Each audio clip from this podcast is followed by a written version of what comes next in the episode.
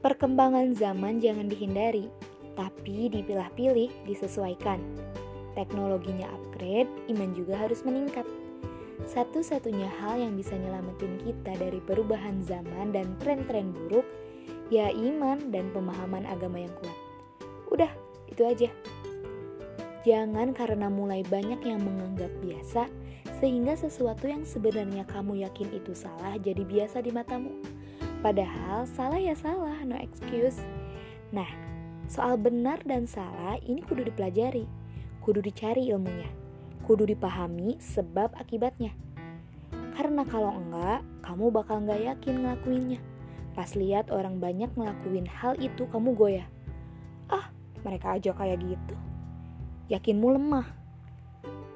Beberapa tweet di atas lahir dari banyaknya aduan soal beberapa remaja masjid yang mulai menggandrungi TikTok dengan konten-konten yang sudah mulai bikin mengerenyitkan dahi dan bergeming.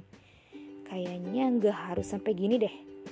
Gak cuma TikTok, di platform mana pun, kita memang perlu jaga diri. Di Twitter sekalipun, kebebasan berargumen di sini pun tetap harus bertanggung jawab kan? kita nyinyirin mereka bisa menjaga rasa malunya di TikTok, tapi kita di sini berargumen semaunya, bahkan cenderung menyakiti orang lain. Jadi kayak beda milih jalur dosa aja. Sosmed sekarang udah jadi kekhawatiran baru untuk hidup kita. Perkembangan fitur-fiturnya, kemudahan yang ditawarkannya, seperti dua mata pisau yang bisa saja bermanfaat, namun secara bersamaan bisa saja mengundang bahaya. Hati-hati, pada dasarnya kita nggak butuh jaga image. Di IG majang foto-foto indah, di Twitter jadi tempat nyampah, ngomongnya semaunya, nyerang siapa pun yang disuka. Image gak perlu dijaga, yang perlu kita jaga ya diri kita baik-baik, biar bisa baik di mana pun berada.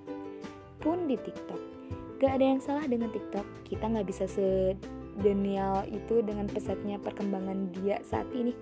Yang bisa kita lakuin jaga diri, jaga iman.